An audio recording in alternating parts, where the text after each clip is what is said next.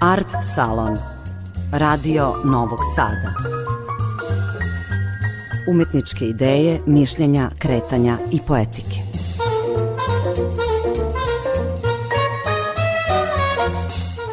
Dobro veče, slušate Art Salon Radio Novog Sada, ja sam Aleksandra Rajić, a naša večerašnja tema je hispanistika koja je u Novom Sadu nedavno dobila utemeljenje u akademskoj i naučnoj praksi na novoosnovanom oceku za italijanske i iberoameričke studije. Pred osnivačima je, pored generacija budućih hispanista, i jedan dinamičan proces otvaranja ove sredine za hispansku kulturu, čiji je centar tradicionalno bio Beograd. Kako je prepoznata ta strategija širenja hispanske kulture u svetu, imali savremena iberoamerička književnost uz nesporne estetske kvalitete i one etičke, sociokulturne, geopolitičke i identitetske teme kojima je osvojila svet u 20. veku i kakvo je naše interesovanje za kulturu koja baštini uticaje velikog dela planete i proteže se u daleku prošlost, U razgovoru sa Bojanom Kovačević-Petrović, docentkinjom na Filozofskom fakultetu u Novom Sadu i upravnicom Iberoameričkog centra. Dakle, odsek za italijanske iberoameričke studije jeste osnovan sa jednom vrlo ubedljivom i širokom svešću da u Vojvodini i tekako postoji interesovanje za italijanski i španski jezik. Mi smo pre osnivanja i pre osnivanja Iberoameričkog centra, koji je i bio um, zapravo osnovan u nameri da izraste jednoga dana u odsek, odnosno katedru, uradili istraživanje koje je pokazalo u okviru Centra za jezike Filozofskog fakulteta da svake godine preko 500 brucoša izrazi želju da uči italijanski ili španski jezik na filozofskom fakultetu. I dakle, to su nam sve bili pokazatelji da je došlo vreme da e, se te studije osmisle, oforme i ponude kao novi program, atraktivan program za nove generacije. S obzirom na te činjenice, evo mi smo zaista u septembru ove godine upisali prvu generaciju studenta španskog i italijanskog jezika. Na španskom imamo 15 studenta prve generacije, na italijanskom osmoro. I budući da je reč o drugom upisnom roku, to je jedan optimalan, za nas savršen, besprekoran i e, nada sve ponosan broj e, đaka sa kojima delimo za sada e, uvod u hispanske, odnosno italijanske književnosti i kulture, osnove jezika i sve to vremenom prerasta u nešto što će ponuditi jednu širu sliku, kako i vi kažete, geopolitičku, e, obrazovnu i u najširem mogućem smislu pripremiti te mlade ljude za e, rad sa tim prebogatim područjem. Kada kažemo španski jezik, to je svakako područje koje tek delimično obuhvata Španiju kao maticu, a zapravo se širi na e, bogatu, raznoliku i kulturološki e, impresivnu Latinsku Ameriku od Meksika, koji geografski pripada Severnoj Americi preko Karibskog pojasa do Argentine na samom jugu. Šta je to zapravo što bi trebalo da znamo o e, španskom jeziku, ako ga vidimo, eto, recimo, kao, i kao deo Europe i kao deo onoga što je što se danas kaže novi svet, a što su stvari naslage civilizacije. Tako je.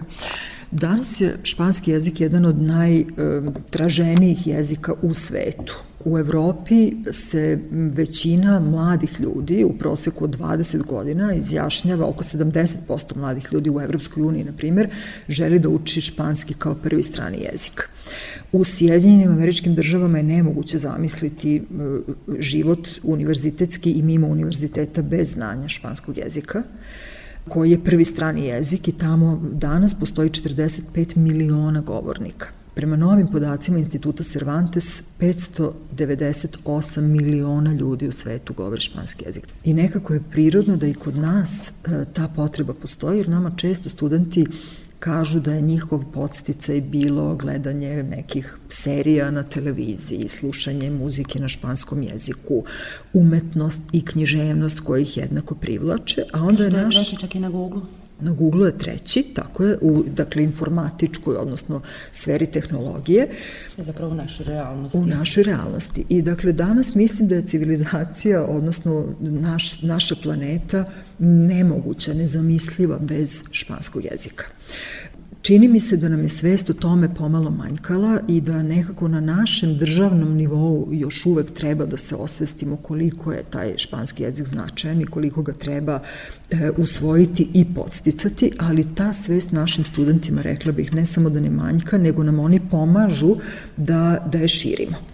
Zbog toga je izuzetno važno što imamo saradnju sa ambasadama, ambasadom Španije, ambasadom Meksika, ambasadom Argentine i univerzitetima. E, naša mapa univerziteta vezanih za špansko govorno područje sa kojima sarađujemo sada već prevazilazi e, cifru od stotinu veliki broj univerziteta u Španiji, sa mnogim od njih imamo i Erasmus razmenu, dakle nudimo studentima da odu da borave tamo jedan semestar, nekad je bilo i do, do devet meseci i tako dalje.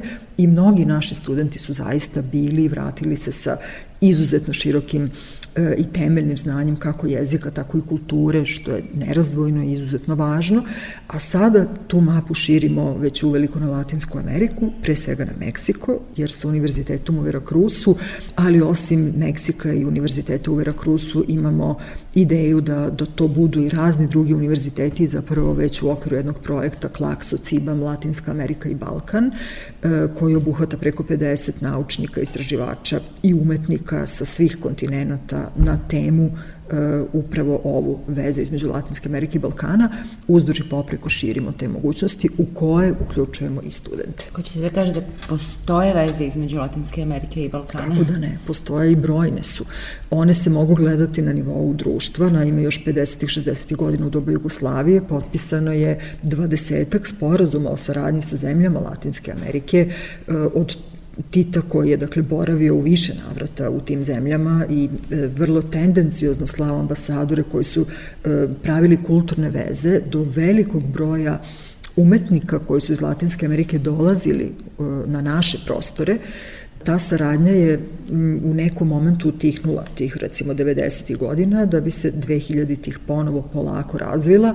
Sada mislim da nam je korona, odnosno pandemija covid E, koliko god nam bila teška i donela velike probleme na, na planetarnom nivou, istovremeno omogućila da se povežemo sa mnogim univerzitetima e, Latinske Amerike upravo zahvaljujući e, novim tehnologijama i mogućnostima saradnje i sada to prebacujemo na neki novi nivo. Kada se kaže hispanistika, uglavnom se misli na tu iberoameričku književnost koja je snažno grunula onako u svet e, polovinom recimo 20. E, godina prošlog veka. Reč je, to smo imali prilike da otkrijemo i na našem jeziku o vrsnim piscima, o desetak Nobelovaca, ako se ne varam, dakle, o autorima koji su na neki način gradili i e, roman, i španski roman i tu sliku sveta i e, svih tih identiteta iz kojih potiču. E sad, ko su savremeni hispano pisci, kakvu šalju sliku svetu s obzirom da je reč o vrlo polifonom prostoru?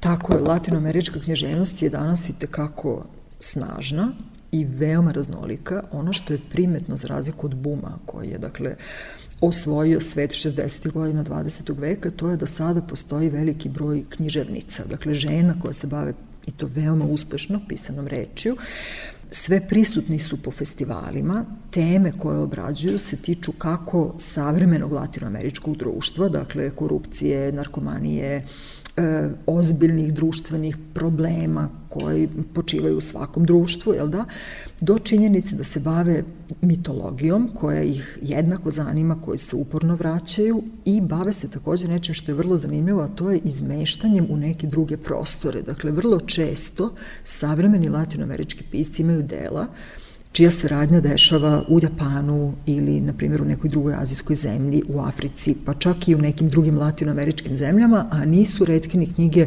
koje su potpuno izmeštene iz konkretnog prostora, kao što je, na primjer, Edmundo Paso Oldani, njegov Rio Fugitivo, koji je Novi Makondo ili Nova Komala, i to je vrlo uzbudljivo. Ti pisci takođe i o tome čak govori jedna knjiga koju smo napravili u okviru Agore pre nekoliko godina, Digitalni život, to je antologija savremene hispanske pripovetke. Ti autori u mnogome uvrštavaju tehnologiju u svoje delo. I to je taj spoj, dakle ta Latinska Amerika koja je u jednom momentu bila poprište magičnog realizma, potom je postala poprište jednog teškog socijalnog i, i društvenog da. i političkog okruženja, da bi danas postala prostor, opet kažem, vrlo heterogen, gde je tehnolo, tehnološka svest, tako da kažem, visoko razvijena i gde takođe postoji e, jedan kult koji je vezan za pripovednu prozu. To je ono što kod nas, recimo, nije tako još uvek prepoznato, ali je činjenica da Latinska Amerika obiluje kvalitetnim pripovedačima, I još jedna stvar koja je važna da napomenemo, mnoge velike pisci današnje Latinske Amerike su bili kod nas, bili su čak i u ovom prostoru filozofskog fakulteta. Bila nam je Ljosa nam je bio dakle u Novom Sadu 2015. Ovde nam je bila Luisa Valenzuela, koja je najveća argentinska diva književnosti, jel da, još uvek vrlo aktivna. Samantha Šveblin. Ako se Samantha Šveblin koja je došla 2014. kad još nije bila to što je danas, a danas je pojam latinoameričke književnosti i tog, te ženske vizure, iako je ona mnogo više od toga. Bio nam je tu u dva navrata Guillermo Martinez, najprivođeniji argentinski pisac posle Borgesa. Bio nam je Santiago Roncaliolo, Solo, koji je trenutno, dakle, jedan od latinoameričkih pisaca koji se najbolje kotiraju, vrlo vredan, vrlo aktivan i tako dalje. I sad sigurno sam nekog zaboravila, ali hoću da kažem da smo aktuelni i ti pisci su i tekako prisutni i dostupni našim studentima i to su za njih zaista nezabrani momenti. Ako sam dobro shvatila, jedan od ciljeva Ibero-američke studije upravo jeste da ne upadamo u lako u te one klopke i stereotipije o tome šta je recimo Latinska Amerika. Da, ja nekako u ovom razgovoru najviše govorim upravo o Latinskoj Americi, e, smatrajući da je Španija jedna europska zemlja koja nam je naravno e, mnogo bliža. S druge strane, na ruku vam ide i to što ima izdavača koje se bave hispanskom književnošću. Pomenuli ste Agoru koja ima e, jednu posebnu ediciju u tome. I svakako akademsku knjigu koja je naš najprofesionalni izdavač i sa kojom pripremamo sada jednu seriju savremenih latinoameričkih romana na čelu sa profesorom Daliborom Soldatićem i sa Brankom Anđićem, dakle veteranima koji su se ujedinili da naprave novi bum latinoameričke književnosti i jako se radujemo tome, to će naredne godine izaći, to mislim da će biti zaista pun pogodak izdavački, jedan od izdavačkih poduhvata. Objavili smo istoriju Meksika, koju evo nedavno smo promovisali u Novom Sadu, uskoro promovišemo u Beogradu, tek je to bio izuzetno zahtevan podvig od, u trajanju od tri godine, dakle i, e, u tom pogledu je iziskivao mnogo truda, znanja, pažnje i čitavu ekipu koja je na tome radila, ali ja bih se možda radi osvrnula na nešto što nam nekako izmiče kada radimo sa studentima te hispanske kulture i kada im govorimo o Latinskoj Americi. Mi zapravo krećemo od jedne osnove, a to je da ono znanje sa kojim oni dođu iz škole, to je da je Kolumbo otkrio Ameriku 1492. godine i to je kraj. E, ta Amerika koju je Kolumba otkrio te godine je postojala milenijumima pre njegovog dolaska. Na tom tlu su bile ne samo one civilizacije koje su nam poznate iz školskih učbenika, to su Maja, Asteci, Inke, nego na desetine... A to je danas savremeni Iberosvet. Tako je. Na desetine drugih civilizacija čija, čije tekovine su i tekako prisutne u svesti današnjeg latinoamerikanca. I na kraju da se pozovemo na Carlosa Fuentesa koji je u knjizi Zakopano ogledalo, opet u izdanju akademske knjige dostupne na srpskom jeziku, e, rekao i stavio nam do znanja da je, da je svih tih vekova, od dakle te 1492. pa do 21. veka, Latinska Amerika tražila svoj identitet, jer u jednom momentu više nisu znali da li su prehispanski ili su posthispanski, da li da govore španskim jezikom ili da očuvaju latinoameričke domorodačke jezike, ali u 21. veku oni konačno imaju svoj identitet. Znaju ko su i na našu veliku radost ovo je godina kada je počela decenija latinoameričkih jezika i kada jako mnogo zaboravljenih, marginalizovanih ili nedovoljno prisutnih jezika kao što je Nahuatl ili Majanski ili Aymara ili Maja Kiće i tako dalje, izlazi na videlo kroz mnoge digitalizovane sadržaje i to je nešto čime ćemo se mi u okviru Iberoameričkog centra baviti tokom naredne godine. Dakle, imat ćemo i predavanja o nauatl jeziku i o majanskom jeziku i govorit ćemo šta se dešava na, na tlu Latinske Amerike o tome o čemu tako reći ništa ne znamo. Govorili smo sada pre svega o toj romanesknoj formi kao jednom od najizrazitijih izraza u hispanskoj književnosti. Ima li dovoljno teorijske literature kod nas e, i ima li dovoljno tumačenja hispanske književnosti? Ima li poezije, savremene poezije na španske na srpskom jeziku? Najkraće rečeno nema. Kada je reč o teorijskoj literaturi, jako smo tanki, tu i tamo ponešto se dešava zahvaljujući, na primjer, društvu hispanista ili pojedinim izdavačima, ali to je sve na kašičicu. Kada je reč o poeziji, tu smo takođe imali poneke izlete, ali njih je isto premalo, to se ne radi sistematski, nema se čak ni dovoljan pregled, međutim ja sad koristim priliku da pomenem dve stvari. Jedna je projekat Litprax u kojem učestvuje Filozofski fakultet Univerziteta u Novom Sadu zajedno sa Univerzitetom u Ljubljani, Univerzitetom u Temišvaru, Sesikom iz Španije i izdavačkom kućom Malinc takođe iz Ljubljane. U okviru tog projekta mi sagledavamo sve što je vezano za hispanske književnosti 21. veka. E tu će puno toga izroniti što će biti zanimljivo da se plasira u bliskoj budućnosti, to je jedna stvar. Druga, e, upravo završavamo prevod e, poezije, sabrane poezije Roberta Bolanja, ključnog pisca 21. veka koji je do duše preminuo 2003. godine, ali njegov uticaj na savremene pisce je toliki da ga bez dileme i bez sumnje svrstavaju u najvažnijeg autora. Poznaje, tako da. je. I dakle, kada se Bolanjova poezija pojavi u formi knjige, a to će objaviti Kulturni centar Novog Sada i Partizanska knjiga, mislim da će nam e, ipak jedan e, vel, veliki manjkavi deo biti potaman i da ćemo e, imati pred sobom nešto što je zaista bitno za razumevanje savremene latinoameričke poezije. Ali ono što je takođe ohrabrujuće i čime bismo mogli i ovaj segment da završimo, to je da postoje pojedinci, među njima i naša studentkinja doktorskih studija e, Jovana Todorović, koji se bave komparativnim temama srpske i latinoameričke književnosti. I to zaista ima posebnu vrednost, jer latinoamerička književnost je tokom decenija imala jako velike utice na naše pisce e, i to je nešto što zaista mislim da treba da izađe na videlo kroz naučne radove i polako se to i dešava. Postoji jedan uh, onaj povratni proces o kome ste govorili, evo i sada, hispanistika je jedan smer. Postoji li i onaj drugi smer, kako odvesti našu kulturu, dakle, na njihova područja? Kako da ne? Mi radimo na tome. To ide malo sporije, ali evo daću jedan primjer. Nedavno je bila promocija knjige 17 naših pesnikinja. Radmila Lazić je napravila jednu božanstvenu antologiju i dve pesnikinje su boravile u Madridu i Barceloni da predstave tu knjigu. E, njima je pomogao tamošnji centar Ivo Andrić i zaista su se svojski potrudili da naše pesnikinje dobiju svu moguću pažnju španskih medija i španske javnosti.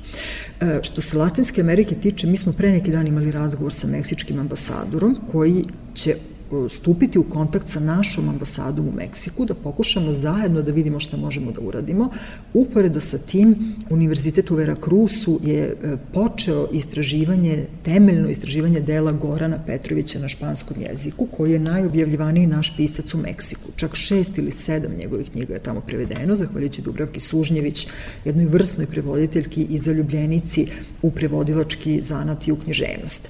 Osim toga, trebalo bi u skoro da se otvori ambasada u Čileu, koja opet ima neke svoje zamisli na koji način bismo to mogli i opet da spomenemo Branka Anđića koji je naš diplomata u Argentini koji je puno toga učinio uzajamno, dakle da spoji tamošnje pisce i naše autore i mislim da, da je tu neophodan napor pre svega naših ambasadora u tim zemljama, a potom i naravno nas koji smo ovde, ali nam je znatno teže, skuplje i komplikovanije da odemo u te daleke fizički daleke latinoameričke zemlje da bismo predstavljali našu književnost.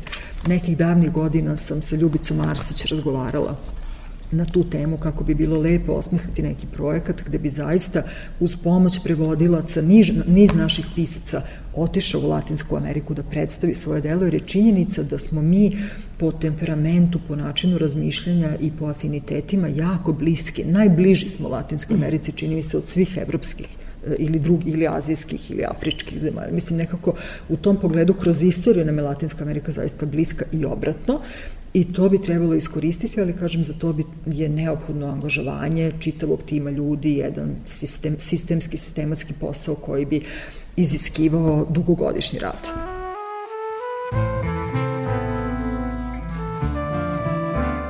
U Arcelonu Radio Novog Sada gostovala je Bojana Kovačević-Petrović, hispanista.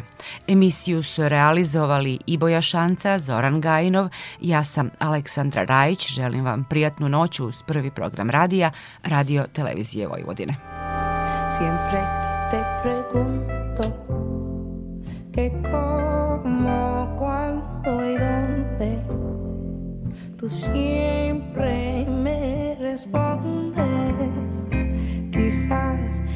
quizás, quizás. Y así pasan los días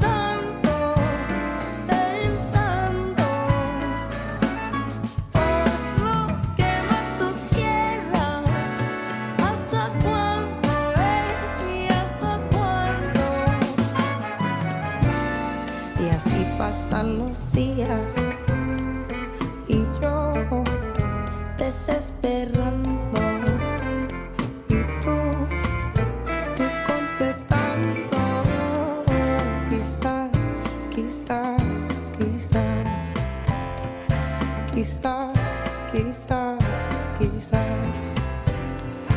quizás, quizás, quizás, quizás. quizás, quizás, quizás, quizás, quizás.